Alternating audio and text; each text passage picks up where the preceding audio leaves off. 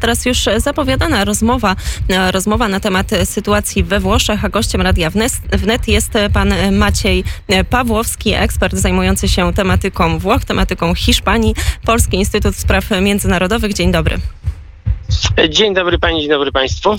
Wiemy już, że Włochy przedłużą, prze, prze, przedłużyły stan wyjątkowy e, z powodu e, pandemii koronawirusa. Potrwa on aż do połowy października. No to podsumujmy trochę teraz, jak wygląda ta sytuacja we Włoszech w związku z e, koronawirusem. Obecnie mamy niespełna 250 tysięcy osób zarażonych i zmarło 35 tysięcy osób od początku pandemii. E, natomiast w tym momencie ten dzienny przyrost jest zdecydowanie mniejszy niż parę miesięcy temu. E, wczoraj mieliśmy 260 e, nowych zarażonych osób. I co jest może istotne do zauważenia, że o ile na koronawirusa umierają przede wszystkim osoby starsze, natomiast obecnie jest on roznoszony raczej przez osoby młode, które przebywają w dyskotekach, w kawiarniach, czy też zbierają się e, na świeżym powietrzu.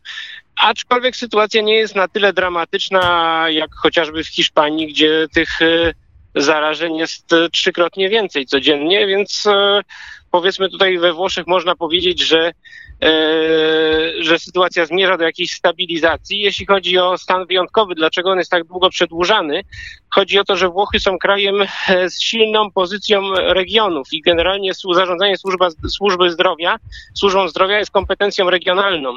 I stan wyjątkowy to jest e, jedyna sytuacja, w której państwo może z poziomu centralnego tą służbą zdrowia zarządzać, a w sytuacji pandemii, no to jest to najbardziej rozsądne rozwiązanie.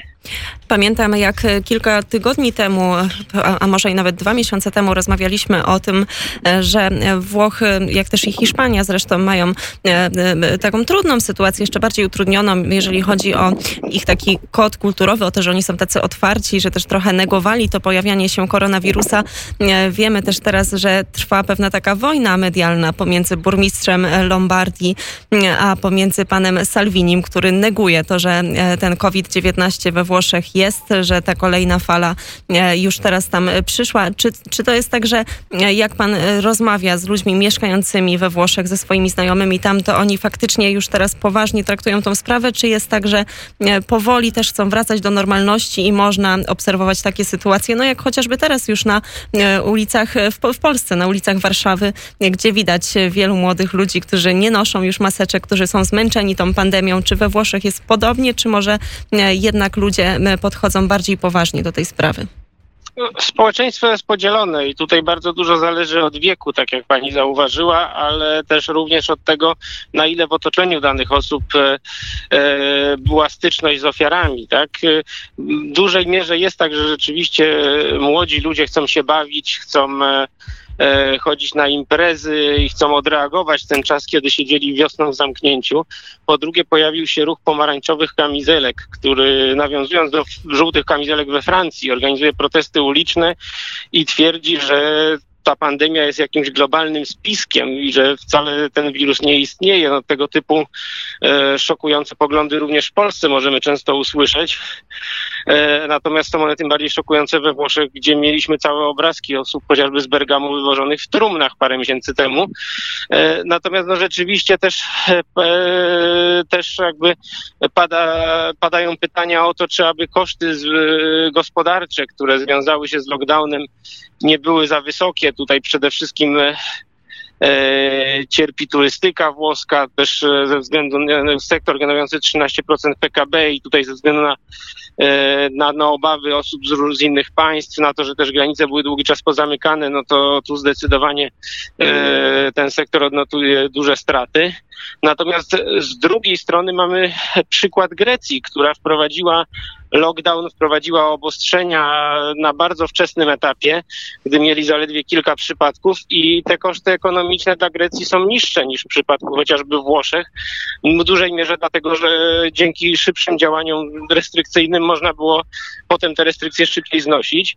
A jeśli chodzi o Matteo Salviniego, to w moim przekonaniu on troszeczkę traci wiarygodność obecnie, ponieważ na początku pandemii on bardzo ostro grzmiał, protestował, że rząd za późno i zbyt umiarkowane restrykcje wprowadza. Jakby tak bardzo chciał się pokazać jako ten, który lepiej by obronił społeczeństwo przed pandemią. Natomiast obecnie na posiedzeniach komisji senackich e, występuje ostentacyjnie bez maseczki i dołącza się do tych głosów nawołujących e, czy tam uznających, że, że ta pandemia jest jakimś wymysłem, czyli tak naprawdę sam sobie przeczy w tym momencie.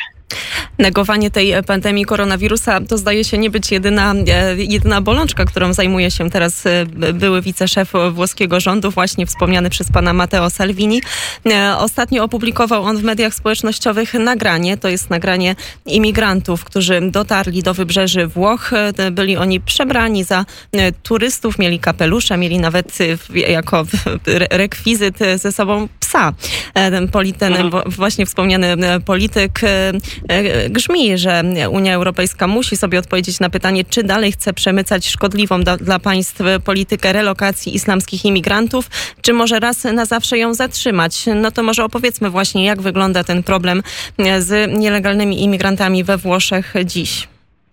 A to jest bardzo interesująca sprawa, ponieważ na początku pandemii mieliśmy krótkotrwały, odwrotny trend. To znaczy migranci uciekali z Włoszech, ale również z innych y, państw południa i według jakichś tam przecieków, które pojawiły się w mediach, potrafili nawet y, kilka tysięcy euro płacić za to, żeby zostać przewiezionymi z powrotem do Afryki. Natomiast w momencie, gdy w jakiś sposób po pierwsze społeczeństwa oswoiły się z obecnością e, koronawirusa, tak, i, i okazało się, że umierają głównie osoby starsze, a po drugie, gdy ten koronawirus pojawił się również w państwach afrykańskich, to tutaj ponownie ludność zaczęła jednak napływać do Włoch. Wczoraj e, mieliśmy cztery, cztery e, statki, w czy tam statki, łodzie, tak, to statki to dużo powiedziane, w których razem przypłynęło 47 migrantów. No i oczywiście Matteo Salvini chce zbić kapitał polityczny na tym, żeby, że, żeby mówić po prostu o tym, żeby tych migrantów jak najszybciej odsyłać.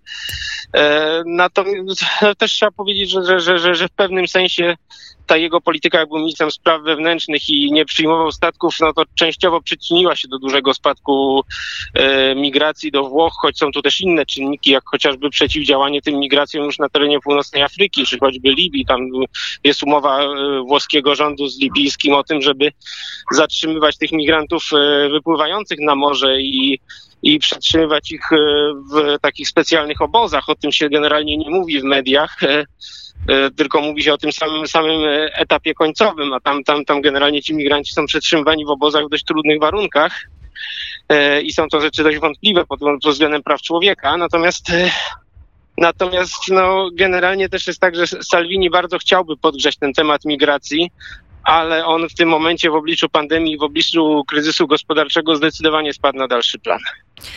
To właśnie w kontekście e, tej kolejnej e, fali albo cały czas trwającej e, pandemii koronawirusa jest to jeszcze o tyle mocniej skomplikowane, że ci migranci, którzy tak jak pan wspomniał, znajdują się w tych ośrodkach dla uchodźców, w których te warunki są tak trudne, bardzo często też po prostu z nich uciekają. Nie, nie przestrzegają tych dwóch tygodni kwarantanny i bardzo ciężko jest to wszystko tam kontrolować. Oczywiście, znaczy po pierwsze samo to zagęszczenie e, ludności w tych obozach to jest, e, to jest coś, co sprzyja transmisji koronawirusa, to jest raz. Natomiast no, jeśli mówimy o środkach na terenie Włoszech, no to w nich te warunki są, że tak powiem, e, o ile trudne, ale, ale humanitarne. Natomiast obozy, które istnieją w Libii, no to, to, to są to miejsca, w których zdarzają się gwałty, kradzieże, E, pobicia, a nawet zabójstwa, więc e, siłą rzeczy migranci, którzy tam są na siłę umieszczani, no, to, to jakby jest zrozumiałe, że chcą stamtąd uciec, tak? Natomiast e, no jest to problem nie od dziś we Włoszech, tak? Na, narastająca liczba osób przybywających z Afryki. i, i, problem, jak ich zagospodarować. Tutaj częściowo e, rząd Giuseppe Conte e, zdecydował się zalegalizować tymczasowy pobyt e, migrantów pod warunkiem, że podejmą oni pracę w sektorze rolnym, którym okazuje się, że w związku z tym, że w wyniku koronawirusa pandemii nie przybyło, nie przybyli pracownicy sezonowi z Albanii, z innych krajów byłej Jugosławii, to tutaj jest taki pomysł, żeby właśnie tych migrantów wykorzystać do, do pracy w rolnictwie, do tych prac sezonowych i zalegalizować czasowo na 6 miesięcy ich pobyt. Zobaczymy, co z tego wyniknie, zobaczymy, na ile to będzie skuteczne rozwiązanie i na ile sami migranci wykażą zainteresowanie tego typu pracą. Jeśli by się sprawdzili, no to mogłoby być to jakiś, e, jakiś asumpt do tego, żeby tą sytuację długoterminowo rozwiązać. Bardzo dziękujemy e, za ten komentarz. Gościem Radia Wnet był Maciej Pawłowski, analityk do spraw południowej Europy, Polski Instytut Spraw Międzynarodowych. Dziękuję za rozmowę. Dziękuję również. Do widzenia.